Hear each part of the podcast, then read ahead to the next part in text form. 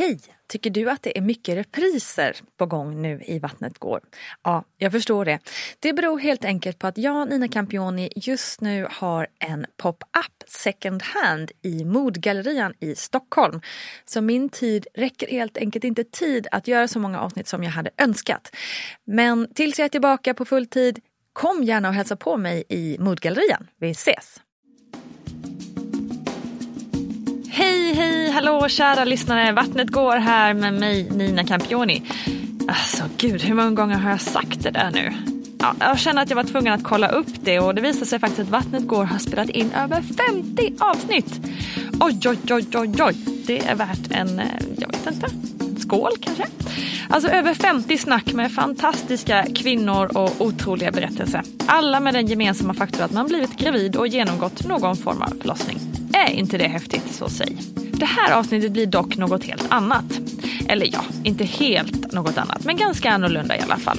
För in i min fina studio klev ingen mindre än socialminister Annika Strandhäll. Och Annika är med andra ord styrande socialdemokrat och var under förra våren och sommaren dessutom tillförordnad sjukvårdsminister.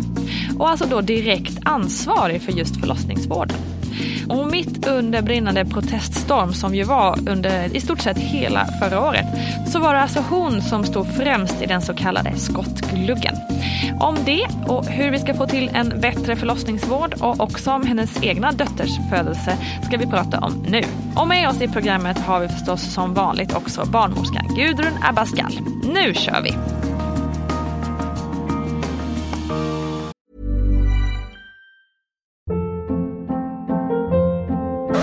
Hold up. What was that? Boring. No flavor. That was as bad as those leftovers you ate all week. Kiki Palmer here, and it's time to say hello to something fresh and guilt-free. Hello Fresh. Jazz up dinner with pecan-crusted chicken or garlic butter shrimp scampi. Now that's music to my mouth. Hello Fresh. Let's get this dinner party started. Discover all the delicious possibilities at hellofresh.com. A lot can happen in three years, like a chatbot may be your new best friend. But what won't change? Needing health insurance. United Healthcare Tri Term Medical Plans, underwritten by Golden Rule Insurance Company, offer flexible, budget friendly coverage that lasts nearly three years in some states. Learn more at uh1.com. Hey, Dave. Yeah, Randy. Since we founded Bombus, we've always said our socks, underwear, and t shirts are super soft. Any new ideas? Maybe sublimely soft. Or disgustingly cozy? Wait, what? I got it. Bombus. Absurdly comfortable essentials for yourself And for those facing homelessness. because one purchased equals one donated. Wow, did we just write an ad? Yes. Bombas. Big comfort for everyone. Go to bombas.com slash ACAST and use code ACAST for 20% off your first purchase. Hey, it's Ryan Reynolds, and I'm here with Keith, co star of my upcoming film, If, only in theaters, May 17th. Do you want to tell people the big news? All right, I'll do it. Sign up now and you'll get unlimited for $15 a month in six months of Paramount Plus Essential Plan on us. Mintmobile.com slash switch. Upfront payment of $45 equivalent to $15 per month. Unlimited over 40 gigabytes per month. Face lower speeds. Videos at 480p. Active Mint customers by 531.24 get six months of Paramount Plus Essential Plan. Auto renews after six months. Offer ends May 31st, 2024. Separate Paramount Plus registration required. Terms and conditions apply if rated PG. Ja du Annika, Ja, förra våren och sommaren var du ansvarig för det här med sjukvården och då därmed också förlossningsvården. Det blev lite kaos och skrik från oss ja kvinnor. med rätta eh, kan man väl säga. Jag tog ju då över först som vikarie efter min, min företrädare Gabriel Wikström som ju blev eh, sjuk i utmattningssyndrom. Och eh, landade då ju i maj egentligen rakt in i, i den situation som, som uppstod i, i förlossningsvården och som ju tyvärr heller inte är första sommaren. Eh, Jag var ju naturligtvis också en hel del ute i förlossningsvården under förra sommaren och mötte också de, de barnmorskor som, som varje dag försöker göra ett heroiskt arbete. Men också många, många eh, oroliga eh, föräldrar, nyblivna föräldrar och blivande föräldrar. Eh, följde ju också eh, de här barnvagnsmarscherna eh, som, som var runt om i Sverige. Hur känner man som politiker när det blir, för det här blev ju liksom ett riktigt rejält upprop. Det blev eh, barnmarscher och det protestant, eller protestant, protest, protester heter det. Ehm, om man då liksom står där som ytterst ansvarig, hur känner man? Liksom? Alltså, får man panik eller vad, vad händer? Nej, det, det, ska, det ska jag inte säga, men utan, utan någonstans så är ju det en, eh, tycker jag, en ganska, ganska sund reaktion eh, som vi såg från olika ställen runt om i landet. I Stockholm var det ju väldigt märkbart. Mm. Där det varje, liksom, år från år ändå har varit en, en situation med, med en eskalerande eh, förlossningskris. Mm. Eh, så jag kan inte säga, man, man står ju absolut inte, inte handfallen. Eh, samtidigt så är det ju så att det, en viss maktlöshet känner man ju för som, som ansvarig minister, hälso och sjukvårdsminister så är man ju inte inne och styr i det operativa arbetet, det sker ju ute i landstingen. Men vi sköt ju bland annat till extra medel då inför mm. sommaren. Det var en av de första sakerna jag var med och beslutade som hälso och sjukvårdsminister. Men var det typ en direkt eh, reaktion på liksom de här protesterna? Eller, eller, Nej, eller men vi, vi såg, ja, men signalerna var ju väldigt tydliga att det här blir en väldigt, väldigt tuff sommar. Eh, vi behöver på något sätt också signalera att vi politiskt ser eh, den oro som, som föräldrar och blivande föräldrar uttrycker. Eh, men inte minst liksom, eh, också ta hänsyn till den personal som, som ska göra jobbet. Mm. Eh, och jag är också som, som både eh, feminist sedan många, många år, långt innan jag blev partipolitiskt aktiv, och mamma själv så, så kunde jag också verkligen känna det här att, mm. att, och förstå den, den oron. Från, det, från regeringens sida så har det ju, jag menar vi är ju en, en feministisk regering som en av de första satsningarna vi gjorde när vi fick en möjlighet att lägga budget hösten 2015 det var just att skjuta till pengar till kvinnors hälsa och sen har vi ju trappat upp de här satsningarna under mandatperioden och riktat särskilda medel till förlossningsvården eh, utifrån att vi ser att det brister. Eh, och som, som, som kvinna och som feminist eh, så kan ju jag inte låta bli att också eh, vara både självkritisk mot mitt eget parti men självklart också mot andra politiska partier. Där jag tycker man ser tydligt också när man pratar med en personal som jobbar inom eh, kvinnosjukvård, inom förlossningsvård, att det är en del av hälso och sjukvården som känner sig ganska eftersatt. Mm. Eh, och det här tycker jag har varit ett typiskt exempel. Jag menar, det är klart att, att vi i Sverige, vi Många gånger eh, när vi talar, liksom, när jag talar med, med kollegor utomlands ifrån så ser man ju såklart att, att vi har väldigt goda siffror när det gäller liksom spädbarnsöverlevnad och sådär i Sverige och eh, relativt sett en, en god kvalitet. Men samtidigt så kan man ju inte blunda för att vi, trots att, att vi gärna vill slå oss för bröstet när det gäller det, har en situation där vi har vårdkedjor inom förlossningsvården som inte hänger ihop. Där vi har en alldeles för hög andel av förlossningsskador och bristningar som inte alls är proportionerliga.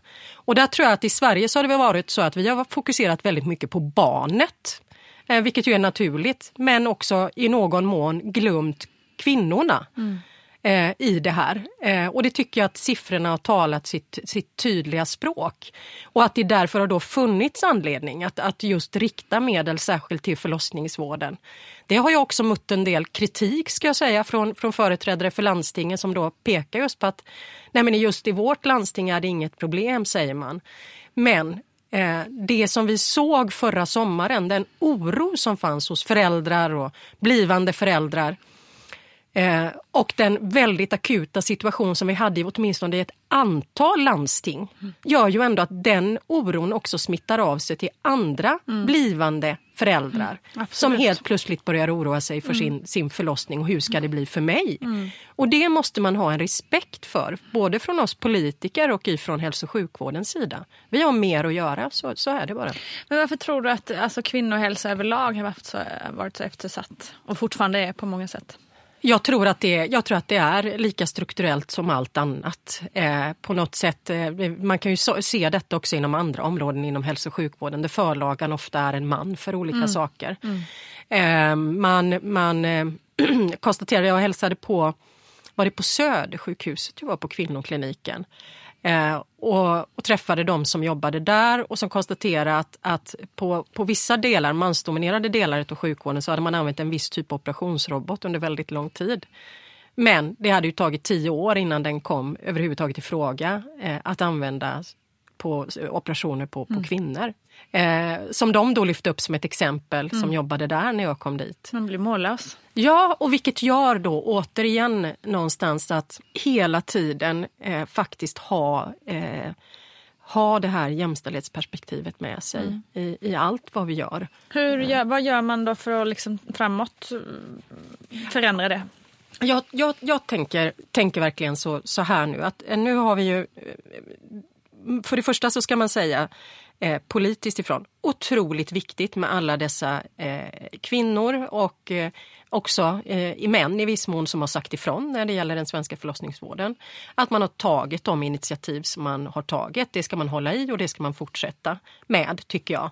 Politiskt så har vi ju nu då gjort satsningar och som kommer att löpa på åtminstone under de kommande fyra åren där vi har gjort upp med Sveriges kommuner och landsting eh, om att de här satsningarna ska fortsätta. Och då kan man säga att de har ju riktat in sig på dels att få ner antalet förlossningsskador. Eh, De har riktat in sig på eh, fler medarbetare, fler barnmorskor, fler sjuksköterskor, fler förlossningsläkare i, i förlossningsvården. Eh, och alltså riktade medel för att man ska kunna anställa fler helt enkelt. Eh, Men också eh, så har vi då riktat in särskilda medel mot en förstärkning av neonatalvården där vi också sett att det saknas platser. Vi har fått eh, från Uppsala till exempel, vi har fått skicka familjer till Finland och så vidare. Så att det finns mer att göra. Eh, Så vi ser ju resultat i några delar. Till exempel så kunde vi se från, från de medel som riktade 2017 att det anställts, ja, i alla fall jag tror att det var 129 ytterligare barnmorskor och 47 sjuksköterskor. Det är den nivån vi följer upp detta på nu om jag ska vara riktigt ärlig. Ja precis, för uppföljningen Ja, ju... och varit supertydliga med att ner i, i 90 gritti liksom. Och likadant när det gäller de allvarliga eh, förlossningsskadorna så har vi, ser vi nu en minskning. Eh, det måste ner mer. Så jag tror att det handlar om att, att hålla i, hålla ut, eh, lyfta de här perspektiven. Eh, kvinnors rätt till eh, en sammanhållen vårdkedja, för där har vi också mer att göra. Före, under och inte minst eftervården. Eh, där det helt klart finns en, en fortsatt utvecklingspotential. Eh, och där vi, det handlar om att hålla i. Precis. Men just det här, jag och Gudrun eh, Abascal som är också med i den här podden, vi tjatar en hel del om det här med patientlagen som ju faktiskt finns som man kan förhålla sig till. Och det är ju mycket av det du nämner på det här med att man liksom eh, Ja, att man ska ha en sammanhållen, sammanhållen kedja och så vidare. Men också det här med, med val, att man liksom som patient ska ha rätten att välja liksom, vilken typ av vård man vill ha. Och där kan det ju verkligen kännas eh, liksom snett och verkligen när det är så många eh, olika fina kliniker som stängs ner.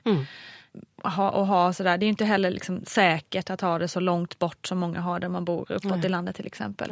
Hur ser man på det? Finns det någon chans att man liksom framöver kommer eh, öppna fler? Liksom, eller är det mer?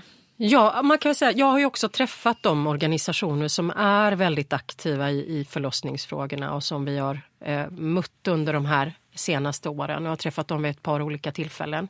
Och jag, jag, dels har vi ju sagt så här, eh, nu också i den här överenskommelsen med, med Sveriges kommuner och landsting som vi har gjort, att eh, vi vill ju se fler möjligheter till patienthotell till exempel eh, i, i högre utsträckning för att öka tryggheten även om det finns avstånd.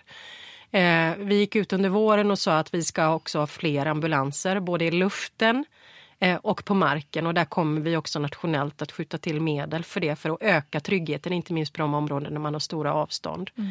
Sen så, så verkligen kan jag sympatisera eh, med det här med att det ska finnas fler valmöjligheter.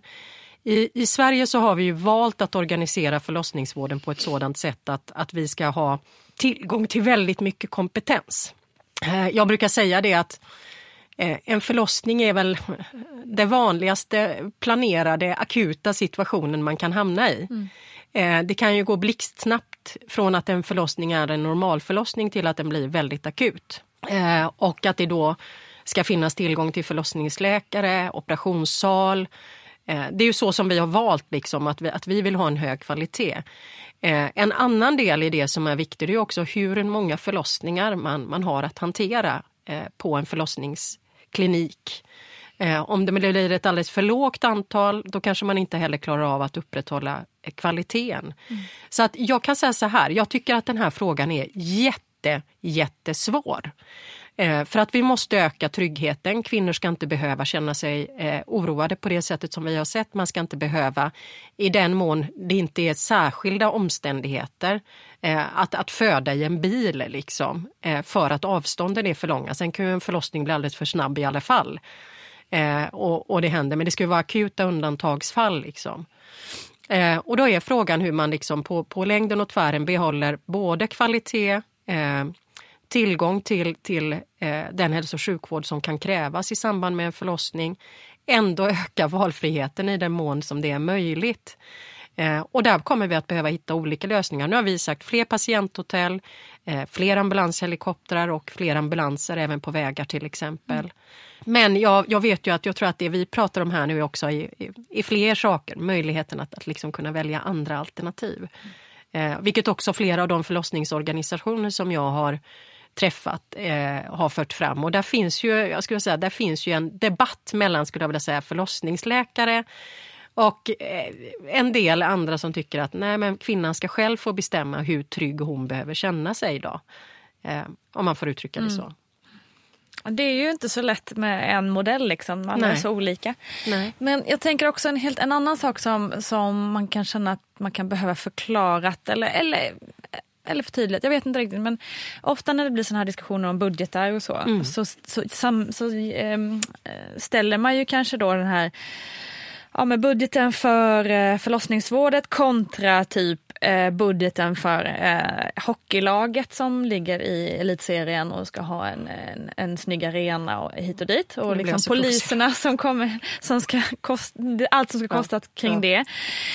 Det är ju sjukt svårt att motivera varför liksom ett hockeylag ska ha en högre budget än vad liksom liv och död frågor när det handlar om kvinnohälsa mm. får. Mm. Vad svarar du på det? Du, du sätter mig i en sån härlig situation här nu för nu, nu är jag ju också idrottsminister ja, och de liksom är ju så tydliga med att fler arenor behöver vi. Ja, nej, nej men, men såklart. Och, och jag ska också faktiskt flika in, jag är sjukt sportintresserad själv och förstår absolut vikten av, eh, av idrott och hälsa i alla former och det är ju extremt viktigt i sig. Men kontra liv och död, ja. Nej, jag är, alltså jag är, som sagt jag, jag är ju också feminist och eh, eh, har ju då eh, på ganska nära håll haft en förmån att följa de här frågorna nu. Och för mig så är det ju alldeles fullständigt självklart eh, att punkt ett då i alla anständiga samhällen är ju naturligtvis att man ska tillhandahålla så hög trygghet som möjlighet för kvinnor som är gravida före, under och efter en förlossning. Eh, och där har vi mer att göra i Sverige. Nu har vi gjort jättestora satsningar under den här mandatperioden. Det var inte en dag för tidigt kan man säga. Och jag vill gärna se att oavsett vilken regering det blir framöver att man verkligen håller i eh, och är medveten om att man behöver vara medveten om att kvinnosjukvård eh, emellanåt av rent strukturella skäl halkar efter. Eh, nu har jag inte det i huvudet men det var någon av eh, dessa organisationer som jag träffade och det här borde jag ha i huvudet. Hur länge sedan det var man gjorde en mera grundlig utredning av svensk förlossningsvård. Mm. Eh, där pratar vi inte ett decennium, inte två utan tre eller fyra decennier mm. sedan man verkligen gjorde det. Mm. Och det är ju jättemärkligt egentligen när man tänker på hur många utredningar vi politiker sätter igång hela tiden. Ja, Eller hur? Det känns så, som så att det är varje dag. Lite, ja, men, men, eh, men hockeylaget får i alla fall eh, kvar sina pengar. Ja, de, jag, jag skulle vilja säga så här att, att eh, båda delarna naturligtvis ska kunna rymmas men, men vi behöver eh, ha fokus på, på en schysst eh, vård för, för kvinnor. Mm. Eh, och den påbörjade nedgång vi nu har sett av allvarliga förlossningsskador, den måste fortsätta. Eh, och också skulle jag vilja säga den stigmatisering som finns kring förlossningsskador och kvinnor som är stor i Sverige alltjämt. Den måste vi fortsätta med att, att bryta ner, ärligt talat. Vi, det jag är övertygad om, och det säger också personal som, som jag träffar ute i förlossningsvården, att det finns ett stort mörkertal med kvinnor som går med gamla förlossningsskador. Mm. Eh, men som inte söker hjälp av olika orsaker. Kanske för att man inte vet att det är en konsekvens av förlossningen. Man tror att det ska vara så här. Mm. Det var det också väldigt många som vittnade om när de läste upp sina berättelser under de här barnvagnsmarscherna. Mm. Och att det inte pratas om, och att man inte ska prata om det. Eh, och det måste vi verkligen fortsätta ha fokus på. Eh, Eh, det var en förlossningsläkare, och det måste varit när jag var på kvinnomottagningen på Södersjukhuset, som beskrev för mig hur, hur de jobbar med detta och beskrev just att det finns ett stort mörkertal och hur man försöker fånga upp de här kvinnorna som har gått i många år egentligen. Eh, där hon hade haft en patient, en gammal kvinna som kom in. Eh, och det var, var, lite jobbigt och pinsamt och sådär, eh, tyckte ju den här äldre kvinnan uppenbarligen som hade stora besvär.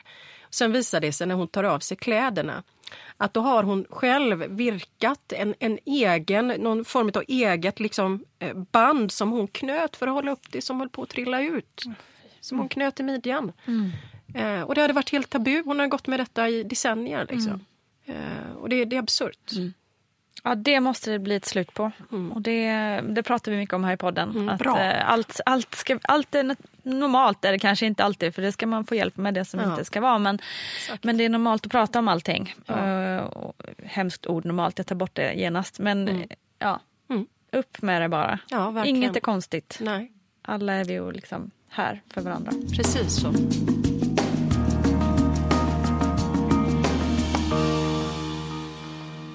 Du har ju också i form av, eh, tack vare ditt eh, mm. intressanta jobb, fått vara med på förlossning. Mm. Berätta.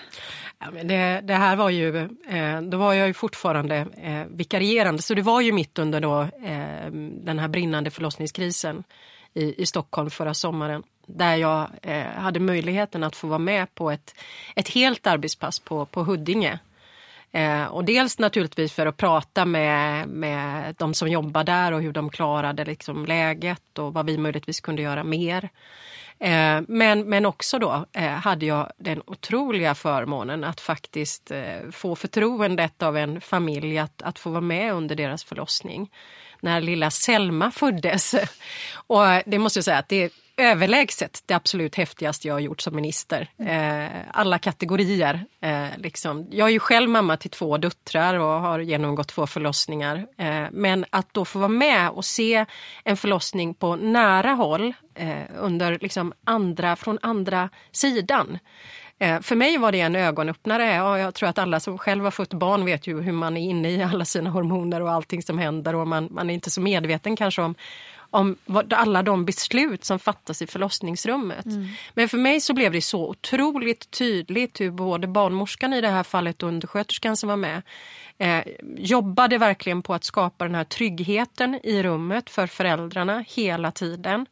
Eh, hur man i liksom, alla olika delar under tiden som liksom, förlossningen eh, fortskred fattade olika typer av, av beslut. Och eh, när lilla Selma föddes så blev det mot slutet så blev det lite dramatiskt på lite olika sätt. Och se hur den här ganska erfarna barnmorskan eh, som då var där liksom i sekundsnabbt liksom fattar olika helt avgörande beslut.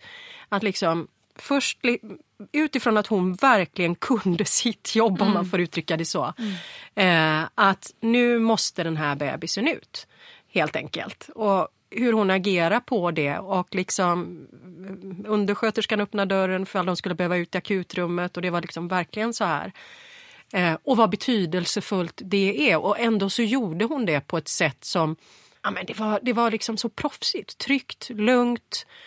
Och samtidigt så tänker man ju då på vikten av att, att ha någon som är närvarande när liksom i rummet när sådant här händer. Mm. Eh, och någonting som också slog mig ganska mycket då, i och med att jag pratar mycket också med, med företrädare för hälso och sjukvården och, och just den brist på personal som vi har inom förlossningsvården. Där ju mycket av diskussionen har handlat om att många erfarna barnmorskor lämnar och så kommer det nya barnmorskor in.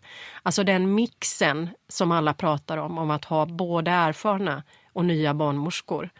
Eh, för att mycket handlar ju om att man, man lär sig sin profession, man lär sig att läsa kvinnans signaler mm. någonstans för att veta vad som behöver göras i rätt ögonblick. Mm, liksom.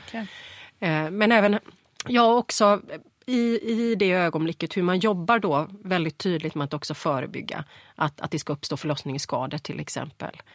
Eh, det, var, det var en otroligt häftig upplevelse. Eh, jag var väl alldeles lyrisk efter och det gick ju jättebra för lilla Selma. Eh, så. Eh, och det är naturligtvis ett, ett fantastiskt eh, eh, delvis jobb man har som barnmorska men det är också oerhört mycket ansvar. Mm.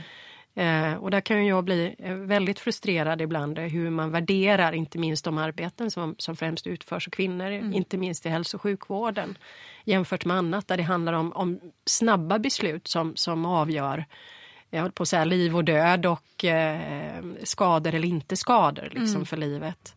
Vad ska man eh. göra då för att få de här erfarna barnmorskorna att stanna i yrket? Och Ja, men här, har ju, här har man ju ett enormt ansvar nu som, som, som arbetsgivare inom hälso och sjukvården. Som sagt, jag nämnde tidigare att vi har skjutit till medel för att man ska anställa fler men den dialog som jag har med, med landstingen, eh, både politiker och tjänstemän i landstingen handlar ju väldigt mycket om att det måste vara attraktivt att jobba i, i mm. de här yrkena igen. Man måste ha förutsättningar Eh, om man eh, ska kunna ta det ansvar som, som man tar i de här jobben. Eh, det handlar om arbetsmiljö, det handlar om arbetstider, det handlar faktiskt om lön. Mm, ja, visst. Eh, I grund och botten. Ja. Eh, att en ha värdering bra, av liksom värdering av det mm. man gör. Eh, och en uppvärdering av det jobb som, som, som görs inte minst inom förlossningsvården av den personal som arbetar där. Mm. För att få behålla de som är erfarna, för att de ska orka och vilja. Så är det ju nu när vi utbildar fler barnmorskor nu. Eh, så det, det, blir ju ett moment 22. För nu har vi, vi har byggt ut antalet platser till barnmorska och så kommer det nu ut nyexade barnmorskor nu. Och då har man en sån ansträngd situation på många förlossningsmottagningar idag. Att man har svårt att klara av att handleda dem i den mm. verksamhetsförlagda utbildningen. Eh, så att det där har ju varit en särskild dialog som vi har haft nu. Då, va? Eh, och, och, det är klart att det är inte, så, så kan vi inte ha det. Vi har dessutom en situation där liksom behoven ökar. Vi räknar med 300 000 fler barn i Sverige till 2025. Mm. Det är fantastiskt naturligtvis för, för vilket land som helst och vilken politiker som helst. Och för den här podden. Ja, och den här podden, det kommer att hur mycket som helst att prata om. Men det handlar också om att då vi, tänk den situation som vi har i förlossningsvården mm. idag. Vi måste ju möta upp Visst. den här utvecklingen. Eh, så att man, man har tid eh, och, och, och, vara där för den kvinna och den, den familj, de föräldrar som ska föda. Mm. För att se till att det inte uppstår förlossningsskador eller bristningar på grund av att man är för stressad. Eh, eller att saker och ting händer. Men hur ser du på det? Ser du ljus på det? Känns det som att vi kommer fixa det? Eller hur? Ja, kan jag, du ärligt svara på den frågan? Jo, men ärligt talat så, så jag, alltså det var därför jag var lite inne på förut. Jag, när, när, vi ändå, vi kan titta på de satsningarna vi har gjort sedan 2015 nu ändå på förlossningsvården. Och det som jag sa att vi följer väldigt noga, eller på så här, nästan, ja nu är det 47 sjuksköterskor, mm. men och lite mm. så här va. Eh, att jo, vi ser ju att det går att åstadkomma resultat Eh, och till och med på så här få år. Eh, om man verkligen i dialog med landstingen, och vi rikt, de gillar inte heller att vi riktar medel på det sätt som vi gör, utan de vill hellre ha generella eh, anslag. Men om man riktar pengar på det här sättet, eh, om man är tydlig med eh, det här är det vi behöver åstadkomma tillsammans, så ser vi ju resultat. Mm. Så jag är övertygad om eh, att det går att fixa. Men det är in, inte någon som kan sätta sig ner och tro att det här kommer lösa sig av sig självt. Jag känner en stor oro inför den kommande sommaren och då har vi ändå skjutit till extra pengar nu i vårbudgeten. Vi sköt till, jag kommer inte ihåg hur mycket extra det var, men det var, om det var 600 miljoner extra tror jag till för att man ska klara bemanningen över sommaren och mm. sådär. Eh, men jag känner en djup oro och jag vet också att när jag är ute och träffar personal i hälso och sjukvården att man också är oroad inför sommaren. Mm. Liksom. Eh, det har inte blivit jättemånga fler förlossningsplatser i, i, i Stockholm eller i Malmö eller i Göteborg för den delen. Liksom. Mm. Och då har jag ju funderat på en annan sak som, som hälso och sjukvårdsminister, sådär, liksom, socialdemokrat och lite sån här, eh, jag på att säga, eh, ska man säga, samhällsbyggare. Kanske kan vi då eh, se till att föräldrar gör barn vid lite andra tillfällen på året ja, än att alla måste precis. födas på sommaren. Nej. Det, kan vi stimulera det, det med en bonus? Också, måste man ha semester på sommaren alltid? Men det är ju typiskt att det är så i jo, vårt, men det är vårt klart land att det blir, det blir så. Men självklart, och det är klart att också mm. de som jobbar i förlossningsvården vill kunna ha liksom, ja, ledigt på sommaren. Det är, det är bara så det blir lite av ett dilemma i vårt land när, när vi har så liksom sådana årstider som är så tydliga. Men liksom, det är den här perioden som är varm och härlig om man vill vara ledig. Ja. Mm. Nej, jag hoppas verkligen att alla förstår att jag raljerar lite men, mm. men det är ju verkligen så också att, att antalet förlossningar går ju upp på sommaren. Så är det ju. Mm. Det är fler som föds. Ja. Hey, it's Danny Pellegrino from Everything Iconic. Ready to upgrade your style game without blowing your budget? Check out Quince. They've got all the good stuff shirts and polos, activewear, and fine leather goods, all at 50 to 80% less than other high end brands. And the best part? They're all about safe, ethical, and responsible manufacturing. Get that luxury vibe without the luxury price tag. Hit up quince.com slash upgrade for free shipping and 365 day returns on your next order. That's quince.com slash upgrade.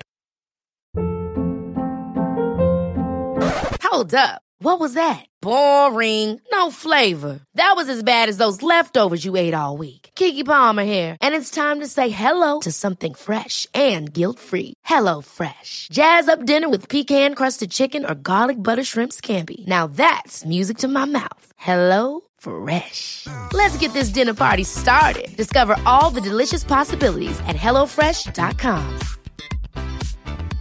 A lot can happen in three years, like a chatbot may be your new best friend. But what won't change? Needing health insurance. United Healthcare Tri Term Medical Plans, underwritten by Golden Rule Insurance Company, offer flexible, budget friendly coverage that lasts nearly three years in some states. Learn more at uh1.com. Hey, Dave. Yeah, Randy. Since we founded Bombus, we've always said our socks, underwear, and t shirts are super soft. Any new ideas? Maybe sublimely soft. Or disgustingly cozy? Wait, what? I got it. Bombus. Absurdly comfortable essentials for yourself And for those facing homelessness. because one purchased equals one donated. Wow, did we just write an ad? Yes. Bombas. Big comfort for everyone. Go to bombas.com slash ACAST and use code ACAST for 20% off your first purchase. Hey, it's Ryan Reynolds, and I'm here with Keith, co star of my upcoming film, If, only in theaters, May 17th. Do you want to tell people the big news? All right, I'll do it. Sign up now and you'll get unlimited for $15 a month in six months of Paramount Plus Essential Plan on us. Mintmobile.com slash switch. Upfront payment of $45 equivalent to $15 per month. Unlimited over 40 gigabytes per month. Face lower speeds. Videos at 480p. Active Mint customers by 531.24 get six months of Paramount Plus Essential Plan. Auto renews after six months. Offer ends May 31st, 2024. Separate Paramount Plus registration required. Terms and conditions apply if rated PG. Politikerna har ju skjutit till lite mer pengar här nu. Räcker det tycker du? Ingen aning. För mig handlar det ju vad gör man med pengarna? Och det tycker jag väl SKL och politikerna säger att man ska förbättra förlossningsvården. Men har ju väl inte gått in på några detaljer och det kanske de inte heller ska göra. Alltså vad jag hör från mina kollegor både i Stockholm och i övriga delar av landet så känner jag väl inte att det har hänt så mycket. För vad, vad de som arbetar på golvet, alltså barnmorskor och undersköterskor, vad de vill det är att få att det ska bli mera personal, att man inte ska behöva arbeta under den stress som det är. Och mig veteligt så har det väl inte blivit så att det har blivit någon, någon stark tillströmning av barnmorskor ute på kliniken. Så att jag ser fram med stor förtjusning om när man ska redovisa då de här vad pengarna har tagit vägen genom att se, har man nu, nu minskat eh, sjukskrivningarna, framförallt långtidssjukskrivningar, får barnmorskor och eh, även undersköterskor, får de ledighet när de är berättigade som kollektivavtalet säger att man inte måste avstå sin sommarsemester och ja, det här att man, man skattar trivseln på arbetsplatsen bättre och att man har går hem med känslan av att jag har gjort ett bra jobb, så att säga, jag har gjort vad jag kan. Det ska bli spännande. Du pratar mycket om uppföljning. Hur man liksom kontrollerar att, eh, att det går enligt målen som politikerna sätter upp. Hur tycker du det funkar? Nej, men jag, det är ju det som jag tycker inte att jag ser så mycket av när det gäller. Man vill ha statistik och siffror. Det kan man få på, på vissa saker. Man har gått ut väldigt här med att bristningarna hos kvinnor eh, i samband med att de föder barn, att det har minskat. Jag är inte så säker på att det har med pengarna att göra. Jag vet inte. Men för mig handlar det om att titta utifrån personalperspektivet. Så måste man ju titta på då att de får följa upp och se, har sjukskrivningarna blivit mindre? Är personalen mer nöjda? Är personalomsättningen mindre än vad den har varit tidigare? Vilket jag inte förstår att den är, utan nu byter man fortfarande arbetsplatser på grund av att kunna höja sin lön, att få bättre arbetstider och så vidare. Och det skulle jag vilja se, för det blir mer påtagligt så att säga. Hur tycker du att en drömsituation för en, en födande kvinna skulle vara? Och då är vi tillbaka till det här att, att eh, kvinnan ska få komma dit hon har bestämt sig att åka, att, att vi bara följer patientlagen så tycker jag att så skulle vi greja alltihopa. För där står, det, patientlagen säger att vi ska ha lättillgänglig förlossningsvård, all, all vård i samband med barnafödande, så ska, det ska ske samtycke, kvinnan, föräldrarna ska vara delaktiga, det ska vara kontinuitet och informerade val och alltihopa. Och det kan man ju genomföra idag. Så det är väl min stora önskan, och Gör man det så löser man, för då blir det ju som föräldrarna och kvinnan vill. Och vi ser också att han, att eh, till exempel att det, det är dubbelt så många barn som föds, föds utanför sjukhuset om man jämför 2000 och 2015. Så det är dubbelt så många. Så kan man fråga sig, ska det vara så? Nu när vi har lagt ner alla sjukhus, eh, förlossningskliniker. De som är populärast i Sverige är ju nedlagda idag. BB Sofia, eh, Södra BB och Sollefteå. Det var de som toppade listan från föräldrarna när de var utvärderade. Och så blev det. Är det något annat du skulle vilja säga kring barnafödande i Sverige och den politiska situationen? Ja, alltså det är ju det här att, att jag tycker att förlossningsvården ska utformas utifrån hur kvinnor vill föda sina barn. Och det tycker jag idag kanske inte att det gör utan nu ser ju förlossningsvården ut ungefär likadant överallt. Så att det här med att man har olika, om jag vill föda mitt barn på ett speciellt sätt eller på en mindre klinik eller större klinik.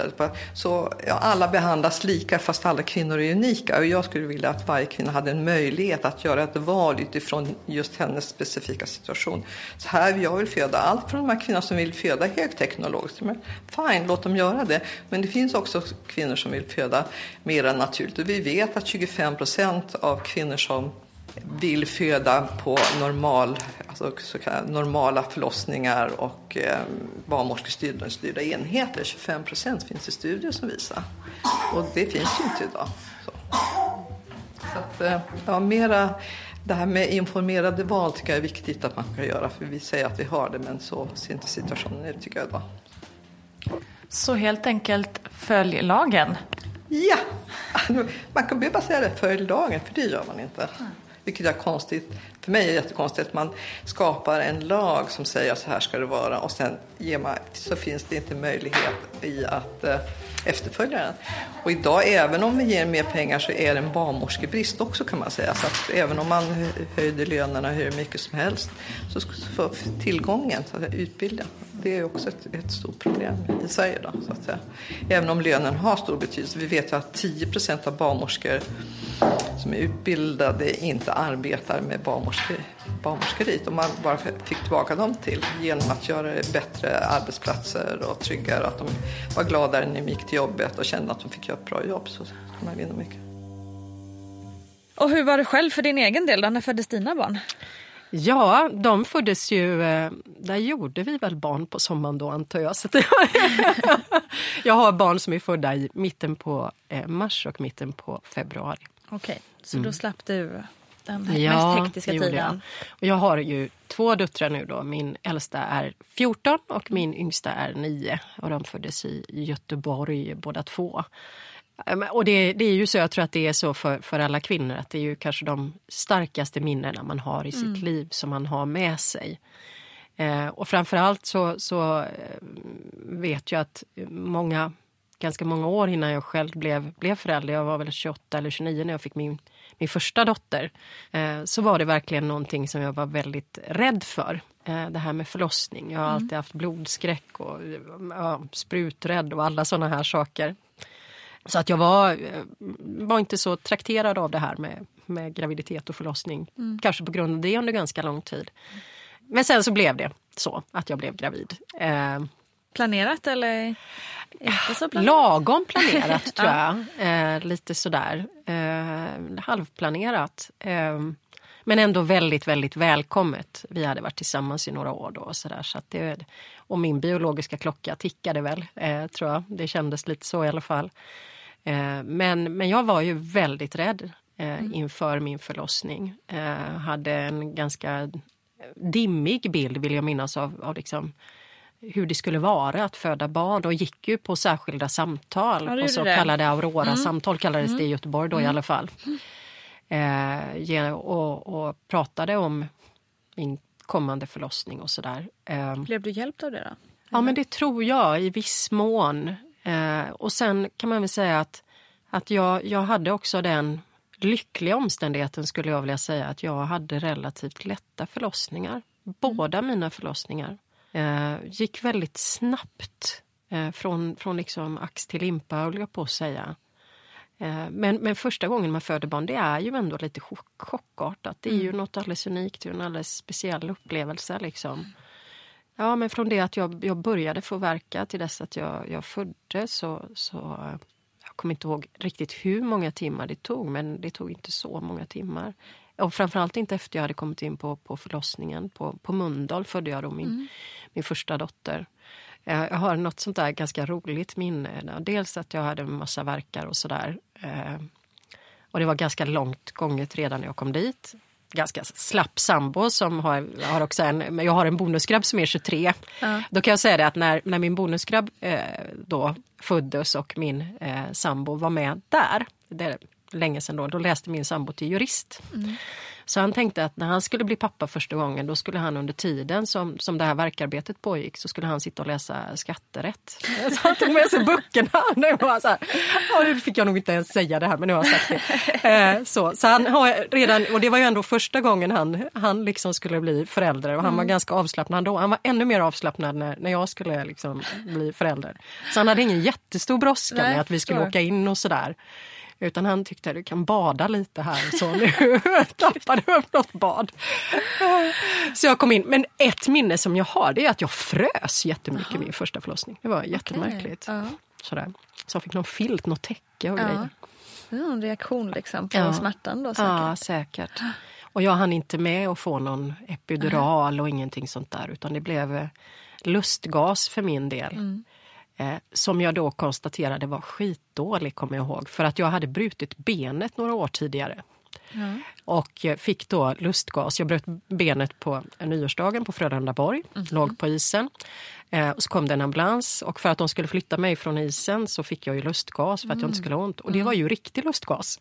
Så det var ju sån jag sen trodde att jag skulle få när jag kom in till förlossningen. Men det var ju någon mesig variant. det, var, det kan man ju liksom... Det var värst, det är värre att bryta benet då. Tydligen. Okej. Det har jag reflekterat Ja, över faktiskt. intressant.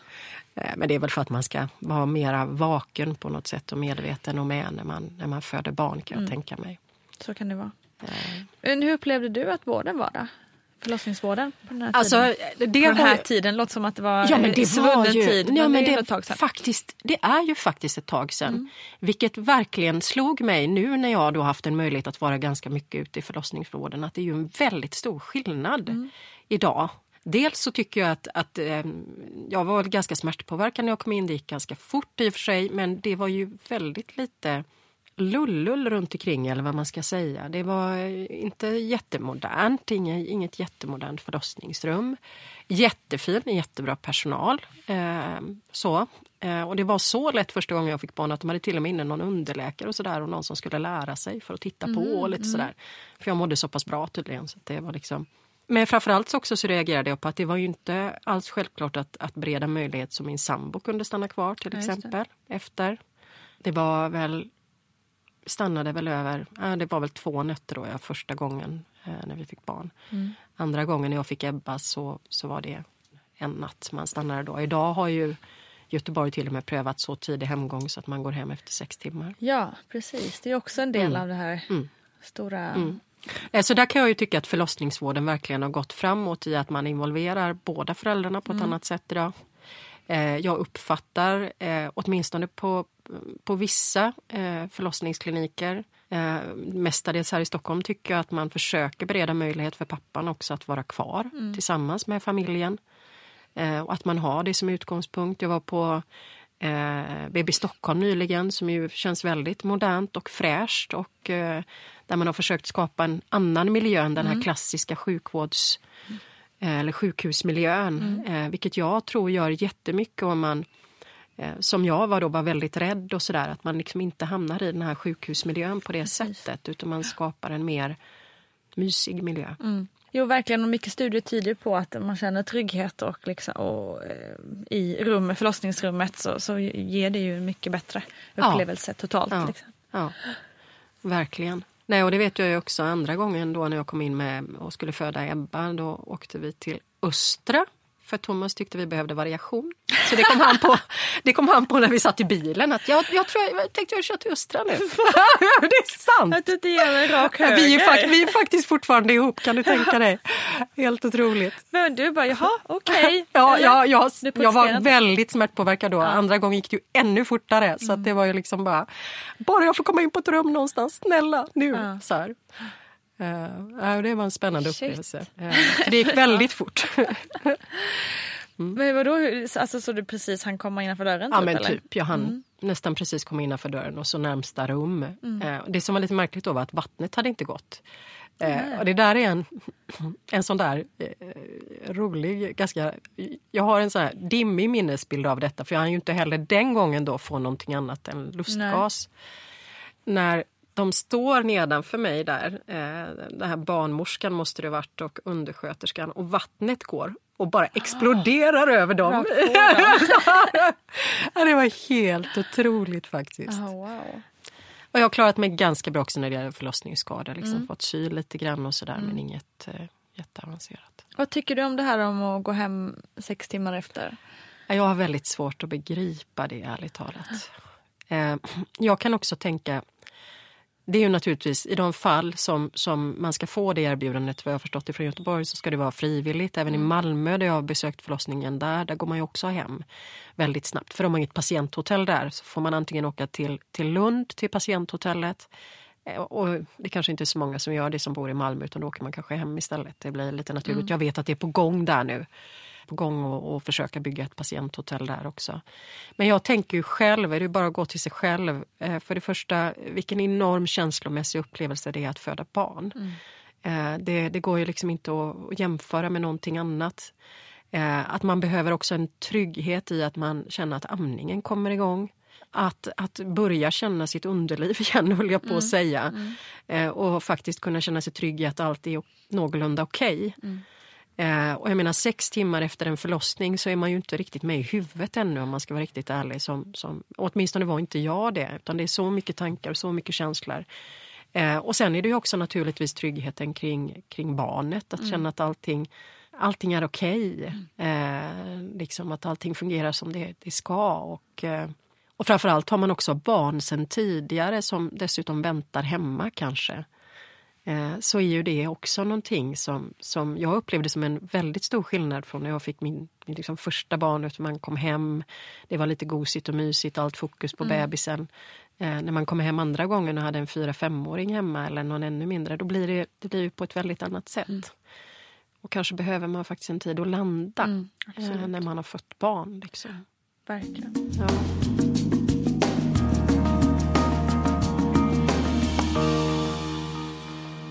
Var det någonting i dina egna graviditeter sådär som stack ut tycker du? Eller som var jobbigt eller, eller kanske bara var extra härligt? Eller? Ja, alltså min, min första graviditet, eh, som sagt var, det var jag ju väldigt rädd för förlossningen mm. eh, då. Eh, men hade ju en väldigt eh, harmonisk och eh, bra graviditet.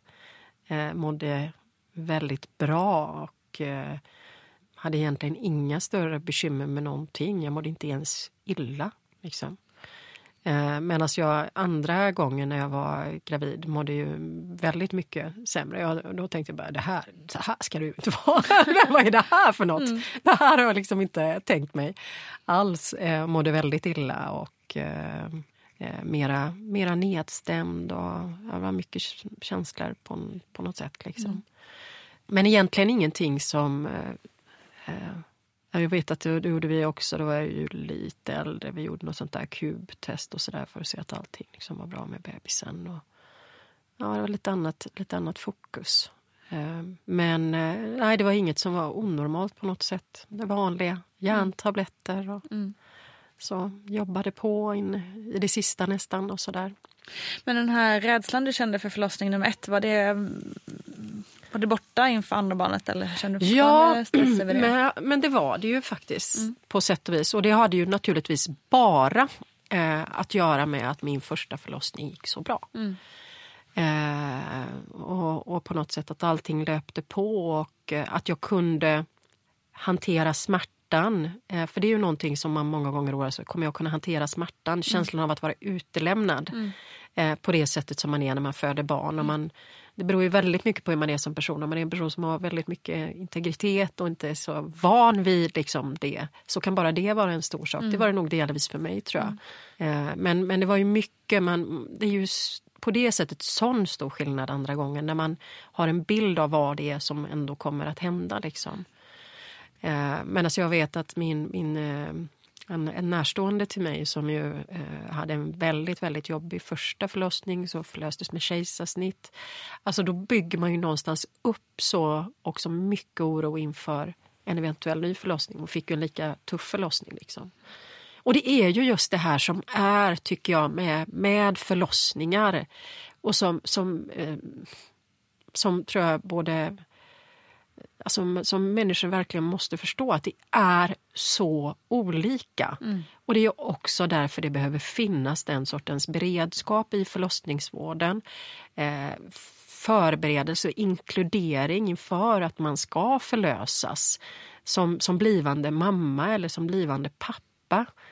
Och där tror jag att vi har mycket att göra. Jag tänk, jag, de här, det här du sa tidigare till mig, det här med att man borde ha flera valmöjligheter än vad man har idag. Eh, där tror jag också finns mycket att utveckla i Sverige när det gäller liksom hur man, vilka möjligheter man får att förbereda sig inför, inför en förlossning. Liksom. Och, eh, I vad mån eh, ens oro och ens känslor och ens tankar verkligen liksom tas hänsyn till. Faktiskt. Med den insikt du har nu i förlossningsvården och eh, överlag eh, med tanke på att du även var liksom praoat. Ja. Ehm, om du skulle bli gravid själv idag, hur skulle du då känna? Skulle du känna dig nervös? Eller? Nej, det, det tror jag inte. Eh, inte jättenervös. Eh, det är klart, jag hade ju då förmånen att faktiskt få, få eh, föda eh, där eh, jag kom in vid, vid båda tillfällena eh, i Göteborg och kom ju in i ett väldigt sent skede också då. Och då har jag, utifrån det så har jag lite svårt att relatera till den oro eh, som jag kan tänka mig att man hade känt om man eh, hade åkt in och blivit hänvisad någon helt annanstans. Eh, och det där tycker jag är någonting vi måste försöka få bort eh, ur den svenska förlossningsvården. Eh, I så hög utsträckning det någonsin går. Eh, att du ska behöva bli runtskickad i ett sånt särskilt och helt extraordinärt tillfälle i ditt liv. Eh, och det tror, tycker jag och tror att vi, vi borde kunna fixa. Liksom. Eh, sen som sagt var så kan jag också se att det är saker och ting som har utvecklats i, i den svenska förlossningsvården. Eh, eh, när det gäller liksom närheten till barnet direkt, när det gäller hur man inkluderar pappor. Eh, att det finns saker som verkligen, när det gäller att det finns allt fler förlossningsmottagningar som också jobbar med att få till en, en bättre miljö eh, att föda barn i.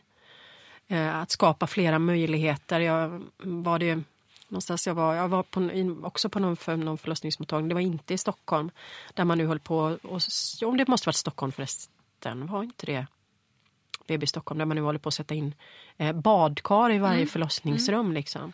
Så det, finns, det går ju, finns ju en utveckling i rätt riktning eh, som vi ska hålla i. Men det är ju valår Ja. eh, och vi vet ju inte hur det ser ut i höst sen. Nej. Men är du orolig för det utifrån det här som jag pratat om nu? Liksom, låt säga att ni ehm, eh, inte blir liksom, regerande. Ehm, är du oro- orolig för hur det här som ni har liksom, eh, jobbat fram nu och de här framstegen vi har gjort på ganska kort tid. Eh, vad, vad händer sen? Liksom? Är du orolig, orolig för den delen? Ja, jag- jag- sam, kan du känna att det finns en sam, liksom, samsyn på det om man tänker på de andra partierna som är aktuella? Ja, jag kan säga så här att, att eh, oavsett eh, parti, igen, inte- alls oavsett helt parti, men de, de allra flesta utav våra liksom, eh, tycker jag anständiga schyssta partier tror jag nog ändå ser framför sig att man skulle eh, vilja hålla i satsningar på förlossningsvården. Det hoppas jag åtminstone. Framförallt nu då när vi kan visa på under den här mandatperioden hur de här riktade satsningarna faktiskt har gett resultat. Det var verkligen eh, gladde mig för nu kan man ju det lönade sig. Men jag tror verkligen så här.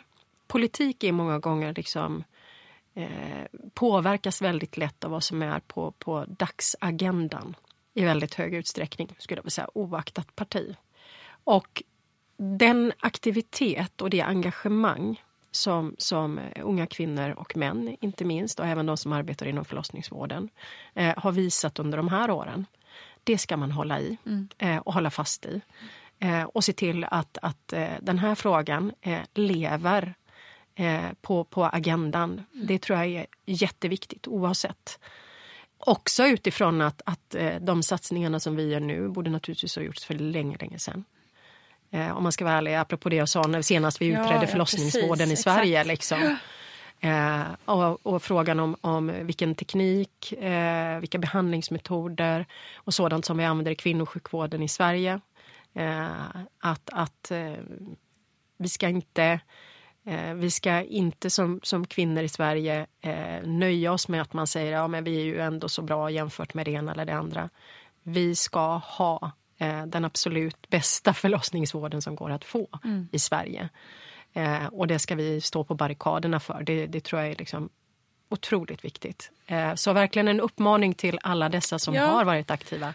att oavsett vilken då, politiker du? som ja. sitter i Rosenbad så se till att ligga på dem. Mm. Som ni har legat på mig, höll jag på att säga. Jo, men jag tror faktiskt att det är väldigt viktigt. Vad tycker du man ska göra då? Med vi har ju sett liksom upprop och marscher och så vidare. Men mm. den enskilda kvinnan som kanske sitter framför datorn hemma till mm. exempel. Vad ska man göra? Ska man mejla landsting eller ska man, eh, vad ska man göra? Det kan man absolut göra. Man kan, man kan, man kan eh, på det här sättet offentliggöra sina berättelser. Mm. Eh, det som man gjorde under, under barnvagnsmarschen när kvinnor faktiskt ställde sig upp och, och, sa, och läste och sa det här är min historia. Eh, jag fick ta emot vet jag något, något eh, riktigt, eh en riktig samling där man hade samlat ihop många kvinnors berättelser mm. Eh, om sina förlossningar som jag fick motta. att vara med, lyfta frågan, mm. skriva debattartiklar, se mm. till att, att följa upp att, att vi, inte minst, behoven kommer fortsätta öka, kommer födas fler mm. barn. att satsningarna fortsätter på förlossningsvården. fler barnmorskor, Eh, att, att man ska ha rätt förutsättningar när man jobbar i förlossningsvården eh, för att kunna göra ett bra jobb. Mm. Liksom. Det tror jag Keep är jätteviktigt. Up the fight. Keep up the fight. Det helt tror jag är enkelt. jätteviktigt. Det måste vi alla göra helt enkelt. Mm. Och du också. Ja. Känner du att du eh, liksom för du kan inte heller direkt slappna av nu bara för att ni har ställt till några miljoner där utan det måste... Verkligen inte. Jag ser nog framför mig att, att vi kommer nog ha en utmanande sommar. Mm eh, på olika sätt. Definitivt. Eh, det, har varit, eh, det har varit ett tufft år på, mm. på många förlossningsavdelningar och det är klart att folk måste ha en, en möjlighet att gå, gå på semester och mm. jag vet ju att man ute i landstingen kämpar med att klara bemanningen över sommaren. Liksom. Mm. Och hur följs det upp sen då? Eller liksom att det verkligen att det funkade den här sommaren? Ja, det gör man ju i respektive landsting mm. eh, och även på Sveriges kommuner och landsting vet jag. Förra året så hade de en både uppföljning i respektive landsting men också en uppföljning på SKL om hur man hade klarat sommaren. Mm. Så, så det förväntar jag mig att de har också i år. Mm. Eh, jag hoppas att de resurser vi har, har skjutit till nu att de kommer till nytta. För det var framförallt som sagt var så, så var det också en viktig signal att skicka till personalen som jobbar i förlossningsvården att vi ser er. Mm. Eh, liksom eh, i någon mån. Mm. Så håller vi, eh, så hoppas jag verkligen att, att, eh, att det ska gå schysst. Jag kom bakom att tänka på nu, det, det cirkulerade ju en lapp på Instagram förra sommaren där det stod eh, att det var fullt, fullt, fullt och sådär. Mm. Eh, och det var en väldigt talande bild. Mm. Eh, verkligen, många mm. upprörde ju väldigt många. Mm. Och det får vi verkligen hålla tummarna för att det inte sker igen. Jag vet mm. inte om det är, är det, väldigt, är det liksom extra specifikt för Stockholm att det blir så tajt liksom? Eller Nej, det, det finns, problem? finns ju en del andra. Eh, Stockholm har ju haft det rätt tufft. Uppsala har också haft det ganska mm. tufft. Där hade man det väldigt tufft på neonatalen som sagt var. Mm, eh, där, och eh, det finns även andra landsting som har haft det riktigt tufft. Jag tror också Skåne hade väldigt tufft. Mm. Men det är klart, det bor väldigt mycket människor i Stockholm. Eh, det bor mycket unga familjer i Stockholm. Eh, må, alltså om man ska se till åldersstrukturen så, så har ju Stockholm kanske den yngsta befolkningen i Sverige. Mm. Så det är klart att det blir en extra tuff eh, belastning där. Mm. Så är det ju. Men eh, jag har gott hopp om att man, man ska klara detta också denna sommaren. Mm. Vi brukar ju göra det. håller vi verkligen tummarna. Mm. Tack för att du kom hit. Tack. Stort tack socialminister Annika Strandhäll för att du ville ge din och regeringens syn på förlossningsvården. Och naturligtvis också för att du ville med, dela med dig av dina egna erfarenheter. Jag ska också säga att jag har nått ut till de allra flesta andra demokratiska riksdagspartier för att få dem att medverka i denna fråga men har hittills bara fått nej. Så kan det vara. Hörni, glöm inte att Vattnet går finns på Instagram också och vi hörs snart igen. Kram på er!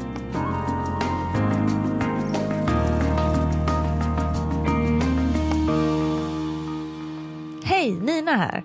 Livet som småbarnsförälder är oftast fullt av frågor och knepiga situationer.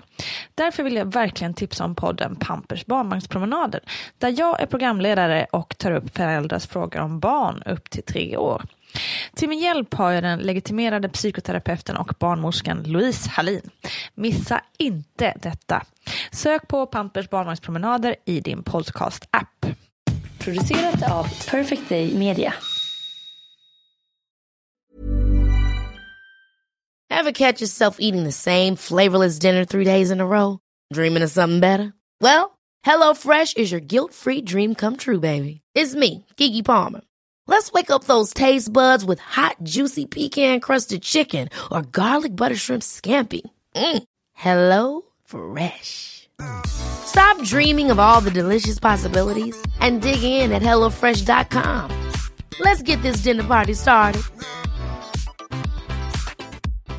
Hi, I'm Daniel, founder of Pretty Litter. Cats and cat owners deserve better than any old fashioned litter. That's why I teamed up with scientists and veterinarians to create Pretty Litter. Its innovative crystal formula has superior odor control and weighs up to 80% less than clay litter. Pretty Litter even monitors health by changing colors to help detect early signs of potential illness. It's the world's smartest kitty litter. Go to prettylitter.com and use code ACAST for 20% off your first order and a free cat toy. Terms and conditions apply. See site for details. Imagine the softest sheets you've ever felt. Now imagine them getting even softer over time. That's what you'll feel with Bowl and Branch's organic cotton sheets. In a recent customer survey, 96% replied that Bowl and Branch sheets get softer with every wash. Start getting your best night's sleep in these sheets that get softer and softer for years to come. Try their sheets with a 30-night guarantee. Plus, get 15% off your first order at bowlandbranch.com. Code BUTTERY. Exclusions apply. See site for details. Hey, it's Paige DeSorbo from Giggly Squad. High quality fashion without the price tag. Say hello to Quince. I'm snagging high-end essentials like cozy cashmere sweaters, sleek leather jackets, fine jewelry, and so much more. With Quince being 50 to 80% less than similar brands. And they partner with factories that prioritize safe, ethical, and responsible manufacturing. I love that. Luxury quality within reach. Go to quince.com slash style to get free shipping and 365 day returns on your next order. Quince.com slash style.